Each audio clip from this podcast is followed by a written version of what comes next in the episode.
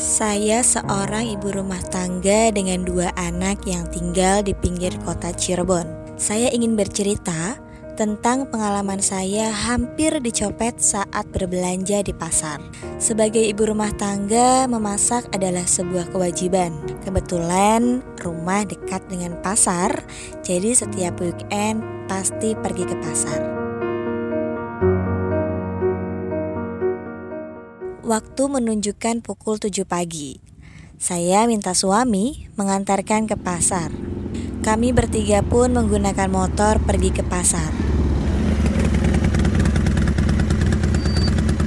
Tiba di pasar, suami bersama anak tidak ikut masuk karena memang pada pagi hari suasana pasar tengah ramai sekali. Suami dan anak memilih menunggu di luar sambil menikmati sarapan. Langsung saja saya masuk ke dalam pasar. Satu persatu belanjaan yang sudah dicatat saya beli. Kebetulan uang di dompet saya kantongi di saku celana samping. Saat tengah berbelanja, saya merasakan ada seseorang yang mengikuti. Namun, saya pikir wanita setengah baya itu mungkin berbelanja juga, berbelanja kebutuhan yang sama. Akhirnya sampailah saya pada toko kebutuhan pokok. Suasana memang tengah ramai sekali orang berbelanja pada pagi itu. Saya pun meminta pelayan toko untuk mengambilkan minyak, telur, dan beras. Namun dari saku celana terasa dompet bergerak sendiri.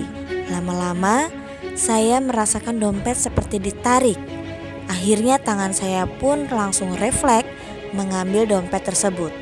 Kemudian saya langsung menengok dan ternyata Wanita setengah baya itu sudah berada di belakang saya. Tanpa pikir panjang, dompet pun langsung saya pegang. Pesanan sudah siap dan langsung saya bayar.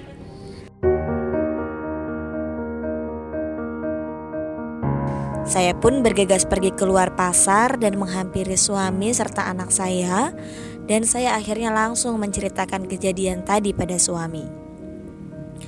Cerita yang saya sampaikan tadi diamini juga oleh pedagang sarapan. Dia menceritakan hal serupa kalau sering ada pengunjung pasar yang kehilangan dompet. Bahkan sempat copet ditangkap oleh security pasar namun pelaku tidak kapok.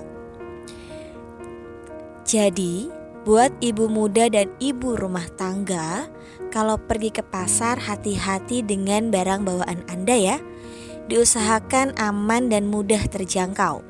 Jangan lengah atau ceroboh karena kejahatan ada di sekeliling kita.